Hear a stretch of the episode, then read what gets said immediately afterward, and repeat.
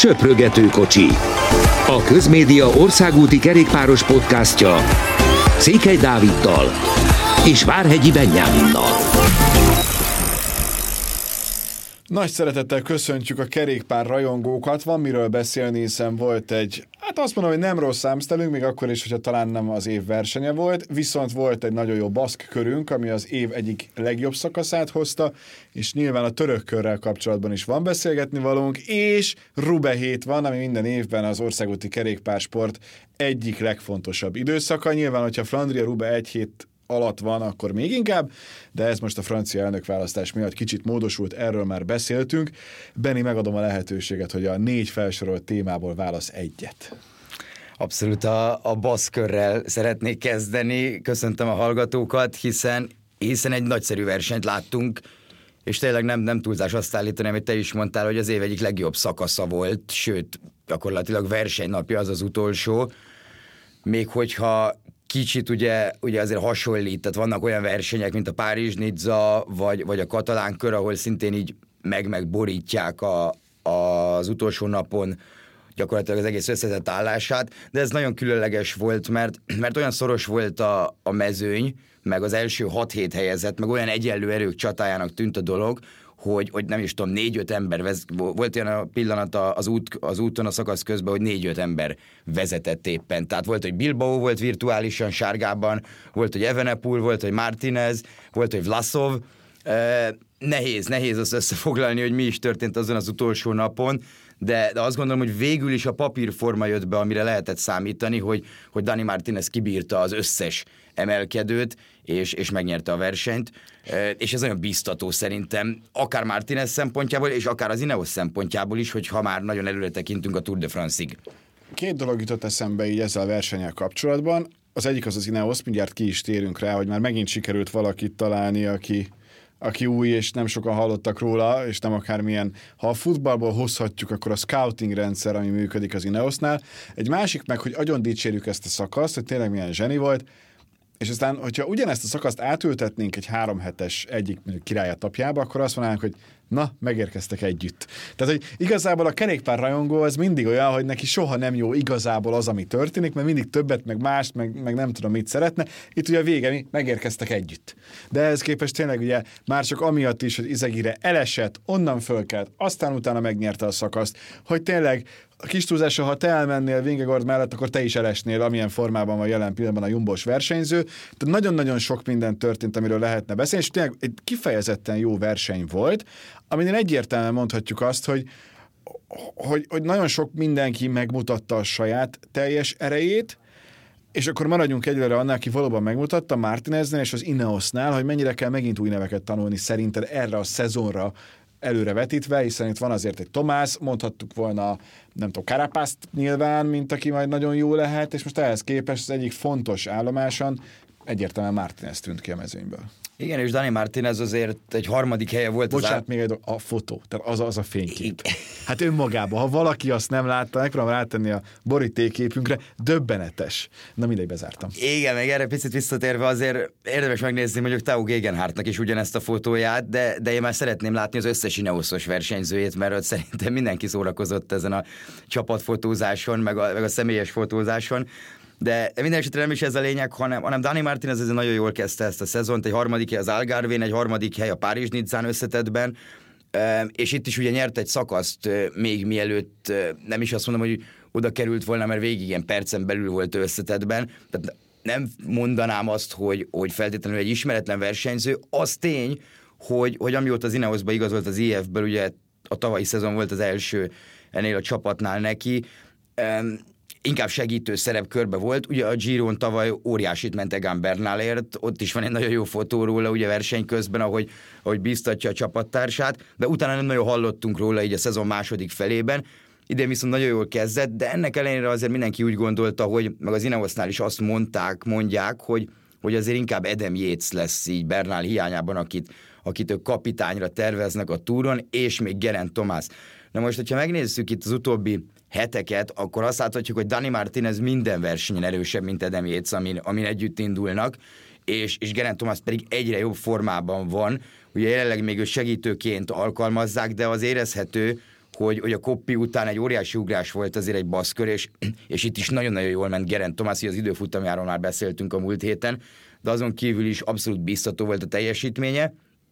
És, és pont Dani Martinez mondta egyébként a verseny után, hogy, hogy ő még azért nem foglalkozna ezzel, mert a kolumbiai sajtóban természetesen ez volt az első, hogy akkor az Ineosnál ezt gyorsan gondolják át, mert igaz, hogy kiesett egy kolumbiai, de, de, találtuk de, egy másik. de van egy másik, aki, aki viszont szintén jó lehet az összetetben, és én egyébként egyet is értek vele, azzal a dolggal is, hogy több kapitányjal kell oda menni, ez a Jumbo esetében lát, is látszik, hogy azért ez egy jó taktika. Erre majd kitérünk. Igen, és viszont az Ineosnál azért jelen pillanatban én úgy érzem, hogy, hogy azért a Martinez Tomás Yates 3 erős lehet.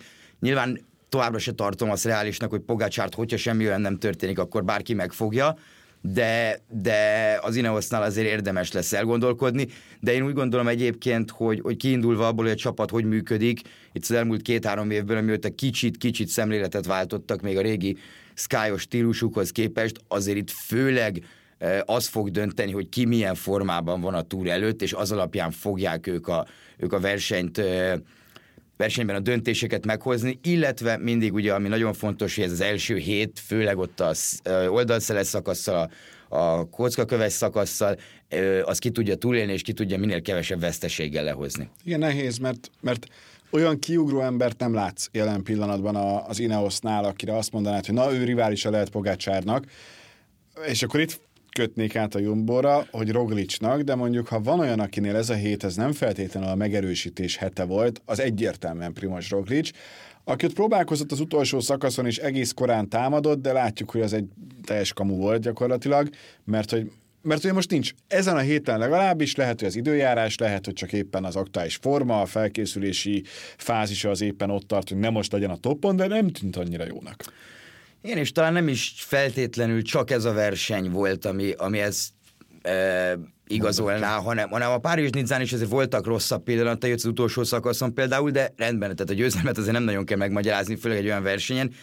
Itt azért főleg az tűnt fel, igazából két dolog tűnt fel az embernek. Az egyik az az, hogy, hogy ugye három szakasz, a második, harmadik, negyedik elég hasonló volt, tehát egy ilyen emelkedő sprint, amiben Roglicsnak nem nagyon van ellenfel az elmúlt két-három évben a világon, és és egyiken se volt dobogós helye. Tehát amit megszerzett ő előnyt időfutamon, azokat gyakorlatilag el is engedte, mert, mert mindenki hozta a bónusz másodperceket a dobogós helyezésekkel rajta kívül, de hozzátenem, hogy Roglic ekkor is ezért nyilatkozta azt, hogy, hogy nem, nagyon volt, nem nagyon vannak meg a lábai jelen pillanatban ahhoz, hogy, hogy a győzelemért tudjon menni. És ugye utána jött az ötödik szakasz, amikor, amikor pedig Evenepul kapta szét a mezőnyt, ott egy, egy hegy közben, de éppen nem egy meredekebb részén a hegynek, és Roglic azzal se tudott menni. Nyilván lehet mondani, hogy Vingegor viszont ott volt az első csoportban, ezért nem ment, hiszen a Jumbo erre a versenyre azért úgy ment, hogy, hogy Primoz Roglic és Vingegor is kapitányok, de azért az is egy intőjel volt, ráadásul az volt az a nagyon meredek csúszós befutó, ahol ugye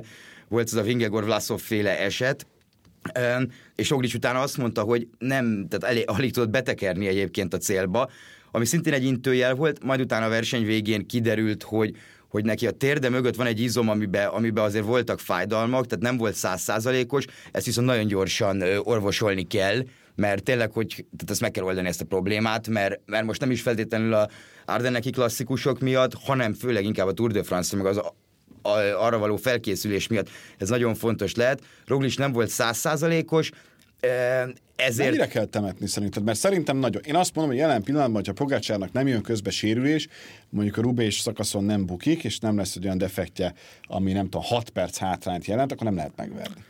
Nehéz elképzelni, hogy Pogácsát hogy lehet megverni a, a túron, ez, ebbe egyetértek. Én viszont azért nem temetném Roglicot, sem a Jumbo-t, azért mégiscsak tényleg három hónap még van a versenyig. Jó, akkor én fogadok veled, Vingegord előrébb zár, mint ő. Benne vagyok, a, fogad... benne vagyok a, fogad... tétet, de... a tétet kitaláljuk, de benne vagyok a fogadásban, szerintem Roglic előrébb fog zárni. Jófajta, mennyire vagy boros? Nem, jó. Tudom, Jean, egy üveg jófajta ginben fogadunk, hogy szerintem Vingegord előrébb zár, mint Roglic. Ámen. Jó, megbeszéltük. Király. Jó, szerintem ugorhatunk a, a következő témakörre. Van emléked arról, hogy valaha valaki úgy átvert volna, mint hogy átverték Kosznefroát? Most, hogyha nagyon, nagy, nagyon szarkasztikus szeretnék lenni, akkor azt tudom mondani, hogy Tom Pitcock, mert, és egy évvel ezelőtt, mert, mert ott azért nincsen, nincsen megegyező vélemény, hogy ki nyer, de arról, arról már nagyon-nagyon sokat beszéltünk, mikor annak volt az ideje.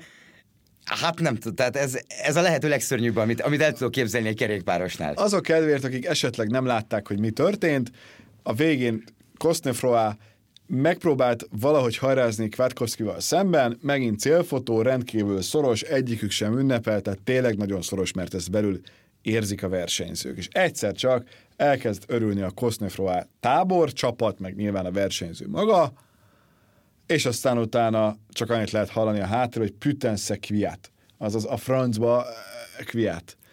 És akkor tudta, hogy az az információ, amit kapott, az téves, csak ekkor még ugye a televízión keresztül senki nem tudta, hogy azt az infót kimondta, a csapat mondta, vagy esetleg valaki más, és azóta kiderült, hogy a rádió túr, tehát hogy a verseny szervezői közül tudta valaki bemondani, hogy Kostnefroy nyert, majd utána, amint már a felső kamerából is lehetett szerintem látni, hozzáteszem, én utólag láttam nem élőben, tehát hogy nyilván nekem meg volt az információ, hogy sokkal könnyebb, de, de azt hiszem, hogy közvetésben is a srácok is mondták, hogy minthogyha, és aztán utána a célfotó alapján teljesen egyértelmű volt, tehát ez nem volt olyan szoros, mint az egy évvel ezelőtti, hogy ez Kwiatkowski győzelme 7 év szünet után tudott ismét nyerni az Amstelen.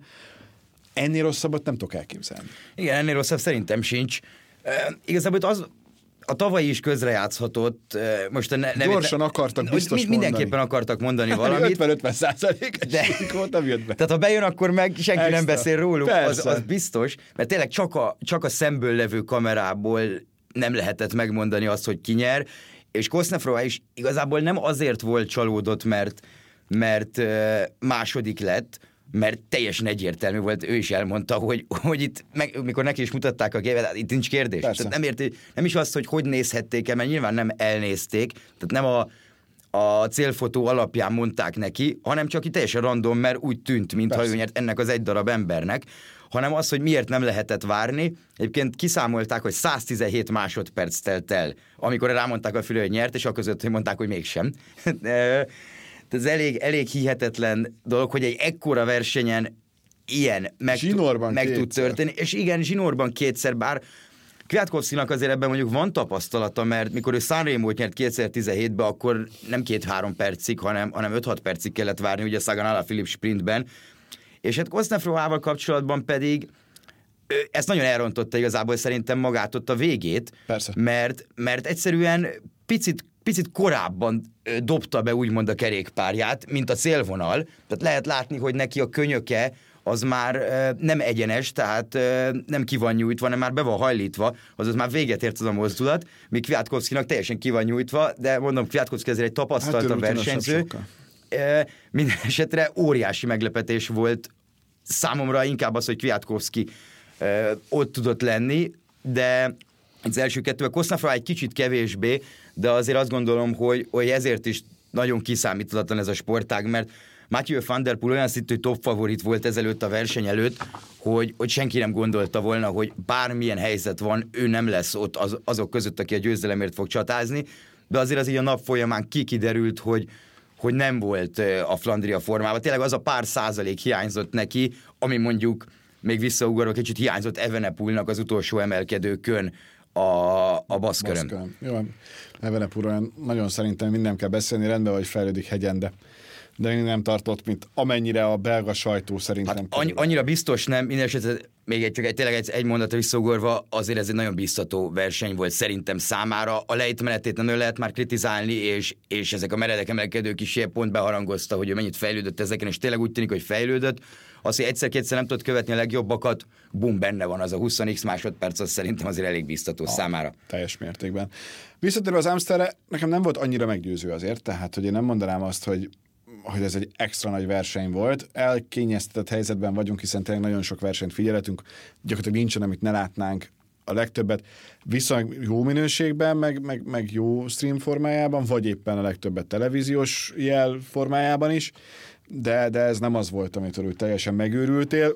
Szerintem az Amsternek ebből a szempontból nehéz helyzete van, hogyha a Flandria előtt lenne, akkor sokkal inkább mondanánk ezekről a versenyekről, hogy jó, de így, hogy, hogy a kettő között van, vagy a pláne a kettő után, ott azért nehéz felnőni a feladathoz. Szerintem ez a lehető legrosszabb az Amstelnek, hogy, hogy, a, hogy ami most van ebben az évben, ugye ez egy kivételes dolog, sokszor elmondtuk, hogy miért, hogy a kettő között van, mert, mert igazából, amikor a Rubénak vége van, onnantól kezdve Kezdődjön le, már a Giro, igen. Igen, de lezárulnak a, lez, lezárulnak a, a koszkaköves klasszikusok, és utána lehet a hegyesebb klasszikusokra mindenkinek készülni, ami az Amstel egy nagyon fontos állomás, gyakorlatilag olyan, mint, a, mint az E3 meg a Gentvevelgem a Flandria előtt. Tehát egy, tényleg egy fontos, hogy a Liège előtt még van egy ilyen verseny. Igen, Így... mert ugye a Liège ott az igazi monima, igen. a monumentum, tehát az igazán kiugróan nagy verseny, ami, ami annyira hegyes, hogy az már egy komoly Tour de France alpesi szakasz szintkülönbségét is Igen, és, és ugye ebbe is van 3500 uh, méter szint, ugye az Amstelben, plusz még ugye az, az, hogy miért nem jó nekik az, hogy, hogy a kettő között van, rengeteg olyan versenyző általában elmennek a baszkörre, és utána mennek az Ardeneki klasszikusokra, kezdve az Amstellel. Na most ugye azt elég nehéz volt megoldani, hogy szombatról vasárnapra átmenj egyébként Hollandia. Volt olyan versenyző, aki indult a baszkörön és feladta, és elment az Amstere, ugye Ria Busenkóra gondolok, de, de ez így nagyon nem jött jól. Ugye a Pro Cycling Statsnek van egy ilyen pontozási rendszere, hogy, hogy versenyzők alapján, akik indulnak, értékeli a versenyeket, Na most az Amstelnek nem, nem is tudom, tehát az elmúlt tíz évben nem volt ez alapján ilyen gyenge a mezőnye, és nyilván így se volt gyenge mezőny, de egy Alaphilipp biztosan ott lett volna, és akkor még lehetne egyébként sorolni a neveket. Egy Evenepul biztos ott lett volna, sokkal erősebb mezőny lett volna szerintem, így se volt gyenge, tehát tényleg nem ezt mondom, de, de tényleg kicsit olyan, olyan lagymatag volt így ez az Amstel. Ráadásul én személyes vélemény nyilván, de, de a verseny sem volt olyan nagyon-nagyon izgalmas viszonylag későn is kezdődtek ugye a támadások, ugye az Ineos csinálta meg a versenyt, ezért is nyertek ők szerintem megérdemelten, mert abszolút az volt a taktika, hogy mindenki csapattárs nélkül hagyni, ők meg legyenek ott minimum ketten, ez sikerült is, így se Kwiatkowskinak, se Pitkoknak nem kellett dolgoznia, ha pedig visszajött volna a dolog, akkor Pitkok lett volna igazából a legfrissebb, még úgy is, hogy beteg volt a verseny előtt, de, de nagyon jól ment és az Ineos ezt tökéletesen lehozta taktikailag, igazából győzni mentek oda, és győztek, mint, mint később elárulták. De, de nem éreztem azt, hogy, hogy meg lenne a többiekben az erő, akár gondolok egy Küngre, akár gondolok egy Bakrainesekre, ők próbálkoztak nyilván, Tönsz is, és, és nem is tudom, ki volt még ott a, a, a másik emberük, aki, a Trátnyik volt, aki még, aki még egész jól ment, de, de valahogy kicsit, tényleg kicsit ilyen lagymatag verseny volt, tehát elment az az egy támadás, vagy kettő, és ugye Kosznefroá még később ugrott fel, és utána ők elmentek nyugodtan a célig, gyakorlatilag anélkül, hogy a 20 másodperc alá bejött volna a különbség, tehát nem nagyon érezte az ember, és még sajnos, nem sajnos, Van sem volt meg igazán az az erő, hogy, hogy nyerni tudjon, de nagyon nehéz átállni szerintem egy olyan versenyről, ahol igazából kevés a szint különbség, de ugye nagyon nehéz, és ezek a nagyon kicsi koszkaköves emelkedők vannak, mint amilyen a Flandria. Hát az inkább spinning. Igen, tehát a, nagyon nehéz azt megoldani, hogy, hogy átállj egy, egy olyanra, ahol 3500 szintet kell menni, ami egy komoly három hetes szakasznak a szint különbsége. A Rubén nyilván ugyanazokat az embereket, versenyzőket fogjuk szerintem látni, mint, a mint akiket a Flandrián, míg a, míg a Liezsen e, és a Flash Fallonon inkább azokat a versenyzőket, akiket most láttunk az Amstelen. Még hogyha van, van is átkötés a kettő között. Akkor maradjunk Rubénál, vasárnap, nyilván egész nap sokakat fog húsvét vasárnap rázban tartani azt, hogy mi történik a szerintem az év legjobb egynaposán, ezt nehéz meggyőzni az ellenkezőjéről. Mit vársz te? Vársz esetleg bárki mást, mint Van az alapján, amit láttunk most tőle a hétvégén, vagy egész egyszerűen Van is úgy van hogy mozgott egyet, de neki a Ruba lesz az igazi? Mm, az, annál azért szerintem kicsit több volt, mint hogy mozgott egyet. Azt nem szabad sosem elfelejteni, legalábbis ezen a tavaszon belül sosem, hogy Van milyen kevés versenynappal érkezik ezekre a versenyekre, és, és milyen extra volt az a teljesítmény, amit egyébként láttuk, láttunk tőle, de akkor bármelyik versenyt felhozhatom, még akár az Amstelt is. Viszont, viszont Van Der Poelnál azért, azért biztos, hogy, biztos, hogy tehát nála nem lesz olyan, hogy fáradt lesz, viszont ennek ellenére azért nagyon, nagyon taktikusan versenyzik az idei évben, ezt mindig kihangsúlyozom, hogy, hogy nem ugrik minden támadásra, nem próbál meg, hát finom, vagy nem, nem finoman fogalmaz, a kamikáze akciókat, amiket azért ő szokott, én a Rubén is valami ilyesmire számítok tőle, és, és nagyon fontos lesz az, hogy, hogy az Alpecinből valaki ott tudjon vele maradni, mert, mert látjuk, hogy, hogy ezzel versenyt lehet nyerni. Nyilván az Amstel egy sokkal taktikusabb verseny, mint a Rubé vagy a Flandria, ahol alábak döntenek igazából, meg nyilván egy kis szerencse, meg helyezkedés, de, de ott gyakorlatilag mindig a legerősebb versenyző nyer.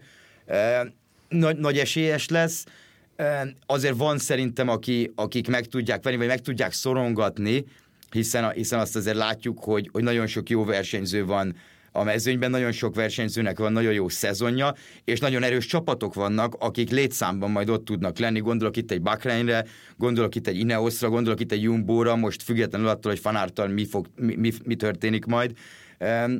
És nyilván ugyanaz lesz a cél, és, és még a Quickstep-et is én személy szerint ide mondom, hát. bár, bár ott inkább nyilván Kasper Asgreen lesz valószínűleg az egyetlen, de, de érdekes verseny lesz, nyilván mindig nagyon érdekes. Mm, nehéz, nehéz megjósolni mindig egy, mindig egy Rubét, ennek ellenére Van der Poel nyilván top esélyes, de annyira nem lennék meglepve, hogyha nem ő nyerné meg, mert az ilyen versenyeken a top-top favoritok, amikor mindig rád figyelnek, az a leges legnehezebb dolog. Amit nem tudunk jelen pillanatban, az fanárt helyzete, és most pont egy fél órával ezelőtt nyilvánosságra került cikket olvasok, amiben az van, hogy Zéman azt nyilatkozta, hogy majd csütörtökön tudják csak eldönteni azt, hogy mi a helyzet fanártal. Ugye ő covidos, tehát emiatt nem tudta megnyerni szerintem a legutóbbi versenyét, és aztán utána nyilván a, a többi is benne van. Nem tudni még, Kálpén készül, a legfontosabb az, hogy az egészsége teljesen rendben van, úgy tűnik, hogy semmilyen nyoma nincsen és hatása ennek a Covid fertőzésnek, amin átesett, ez mindenképp pozitívum, de hogy lesz olyan állapotban, hogy tudjon versenyezni a Rubén, az most még kérdés. Lehet, hogy egyből inkább a turra fordulnak rá, és akkor kihagyják. Az is lehet, hogy elindul segítőként, és mondjuk Tönisszán vagy éppen Laport segítőjeként, adott esetben egy pluszkártyaként nagyon jól jön a, a Jumbónak, és az is lehet, hogy a végén ő megy majd a győzelemért, ezt nem tudjuk. Tehát, hogy még azért lebegtetik, de ez, ez mindenképpen jó hír. Azért az ember sajnálja, hogy ez közbe jött, de minden ilyen kiesést, minden ilyen sérülést az ember nagyon mm, rosszul visel, mert természetesen azt szeretnénk mindig látni, hogy a lehető legjobb, a lehető legjobb erőben is állnak oda a rajthoz. Nem tudom, hogy itt ki a, a top, a legnagyobb esélyes. Én itt fanáltal kapcsolatban érdekes, amit mondasz, mert én is el tudom képzelni mind a három szituációt. Ugye a Jumbo azt mondja, hogy segítőként megy, ha megy. Na, jó, tehát most ezt, ezt azért nem, feltét, nem feltétlenül kell elinni. Múlt héten olvastam, múlt hét közepén egy orvosi véleményt, hogy, hogy itt nem, nem, nem, az kéne, nem arról kéne szó legyen, hogy Fanárt indul-e a Rubén, vagy nem, hanem itt a nullával kéne legyen egyenlő az esély ennek a dolognak, mert, mert nem tudja senki igazából azt, hogy a, ezek a post-covid tünetek mibe jönnek ki, még, még vizsgálatok alapján is nehéz megállapítani. Most odarakni a világ egyik legnehezebb egynapos versenyére, sőt, gyakorlatilag a legnehezebb egynapos versenyére talán, de, az összes verseny közül is az egyik legnehezebb. Nem biztos, hogy, hogy nagyon jó ötlet, még úgy is, hogy egyébként jó idő lesz, és, és a tavalyi sárral és esővel ellenben most napsütés és por lesz a, a pályán. Nem tudom, nyilván a Jumbónál mindent megtesznek azért, hogy induljon, de, de azt sem gondolom egyébként, hogy, hogy azért nagyon durván erőltetnék a dolgot. E, nyilván minden vizsgálatot megtesznek, ez UCI kötelesség is, az UCI miatt is kötelességük, meg egyébként is kötelességük szerintem. E, és tényleg majd csütörtökön, amikor, amikor pályabejárás sem megy a Jumbo, akkor, akkor fogják eldönteni. Az minden esetre érdekes, hogy azonnal elment Spanyolországba készülni, azért itt a túr is nyilvánvalóan, nyilvánvalóan azért ott van a fejekben a Jumbónál, bár igazából szerintem ez a tavalyi Párizsi szakasz óta így van. Persze, meg ne felejtsük el, hogy a tél az még nagyjából ott volt most Belgiumban és környékén, nyilván húsvétra megjön a nyár, 20 fok fölött lesz, tehát hogy azért az is, az is érdekes a, a történet. Hát meglátjuk majd. Jó, a következő egyben befejező témánk szerintem a török kör, ami tart már, hiszen vasárnap megkezdődött, az minden nap viszonylag korán van, és hát fogalmazzunk úgy, hogy hozza a szokásos törökkörös bukovár is történetét, mert mindig óriási bukások vannak a törökkörön, de a tegnapi azon elképesztően nagy idiotizmus volt, amit egy jó ember tudott produkálni, aki úgy érezte, hogy a köröt sétálgat, miközben jött a mezőny 50-nel. Igen, a hatóságok szerint egyébként egy, hát hogy is fogalmazzak, egy nem teljesen egészséges ember volt, aki, aki e, ott sétálgatott, nem igazán tudta, hogy mi folyik körülötte, fogalmazzunk így. E, ennek ellenére ez nyilván nem csak az ő hibája. Tehát egy ilyet el kell kerülni. Tehát nem lehet csinálni, nem véletlenül men, megy, nem tudom mekkora karaván, nem is karaván igazából, hanem rendőrök, motorosok, stb. a mezőny előtt, akiknek pont erre kell figyelnie, útbiztosítók gyakorlatilag, ez nem úgy működik, hogy, hogy ők egyszer csak elindulnak, van előttük egy motoros, és akkor, és akkor az út meg úgy is meg van oldva, mert a szervezők megoldották, hanem erre figyelni kell napközben is, és a törökkör azért egy elég komoly versenynek számít itt a nemzetközi naptárban, a sprinterek számára mindenképpen, hiszen elég komoly sprintermezőny van, ilyen, ilyen nem nagyon fordulhatna elő, de azt kell mondjam, hogy, hogy ez kicsit érett, mert az első nap pedig, pedig szinte egy olyan dolog fordult elő, ami nem fordulhatna elő, főleg nem a Jakobsen Grunewagenes baleset óta, hogy utolsó két kilométer lejtmenet, és még szűkül is az út, úgyhogy jönnek 70-75-tel, tehát adta magát, hogy itt valami óriási baleset lesz.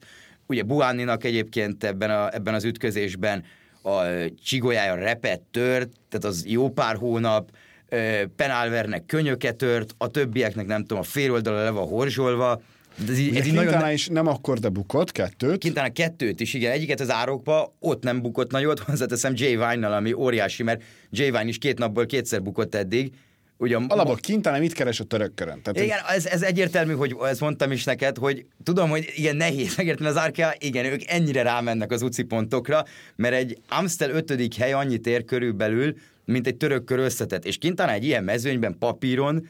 Az egy hegyi szakasszal az, kb. Igen, egyetlen egy hegyi szakasz van holnap, az egy elég nehéz emelkedő, szóval most 1.44 vagy mennyi a hátránya összetettbe, hát szerintem... Még arra is. Ha, szerintem, szerintem még arra is. Ha nem sérült meg nagyon, és tényleg csak idézőjelben a bőre az, ami eltűnt, akkor még... Igen. Csak ilyenkor borzasztóan nehéz regenerálódni, de nem nap mint nap kell teljesíteni, ezért még adott esetben működhet is. Igen, tehát itt olyan, olyan szakaszok vannak, Kéleb jól fogalmazta meg jól, aki az első szakaszt megnyerte, hogy, hogy itt igazából, ha megnézi, akkor 8-ból 7 szakasz fekszik neki. Tehát így el lehet képzelni, hogy, hogy milyen a verseny. Kettő-három szakasznak, amúgy van kettőnek azt hiszem ilyen emelkedős befutója, de Juvennek az is jó hozzátett, hogyha bírod a kisebb emelkedőket, akkor 8-ból 7 nap győzelmi esélyeid vannak tehát egy hegyi szakasz van. Quintana ezért jött el, azt hozzáteszem, hogy az Arkea ugye egy nagyon erős csapattal jött el, mert Buárni is a sprintekre azért Igen. itt van, vagy itt volt egész pontosan, de, de most már ugye Quintana bukott, Buáni kiesett, Lödanova kiesett, maradtak hárman talán, vagy négyen, nem biztos, hogy, hogy ez a legjobb ötlet volt ide a legerősebb csapatot küldeni, és ebben egyébként teljesen igazad van, csak mondjuk, hogy a Quintana elmegy egy Alpsra, és, és mondjuk lesz hatodik összetetbe, akkor nem tudom. Az pontokat tekintve. Pontokat tekintve sokkal kevesebb. És ugye igen, már van ilyen feljutás, kiesés és startrend, ami viszont fontos. És, és az Arka egyértelműen Virtual csapat akar lenni. Érdekes, az a vicces, hogy a Kintánával tegnap az összetett másik nagy esély, és a Jay Vine is bukott, mikor, mikor beestek oda az árokba.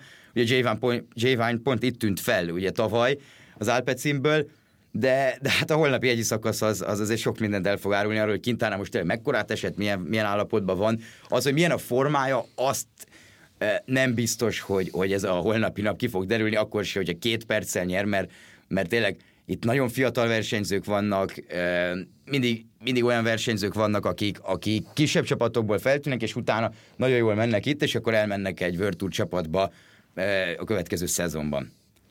Mi viszont nem várunk a következő szezonig, csak ez a mostani adásért véget, hiszen jelentkezünk a jövő héten, és amikor átbeszéljük a törökkört, meg persze átbeszéljük azt is, hogy mi történt északon, a pokolban, a Pári Rubén. Most arra köszönjük a figyelmet, sziasztok! Köszönjük, sziasztok!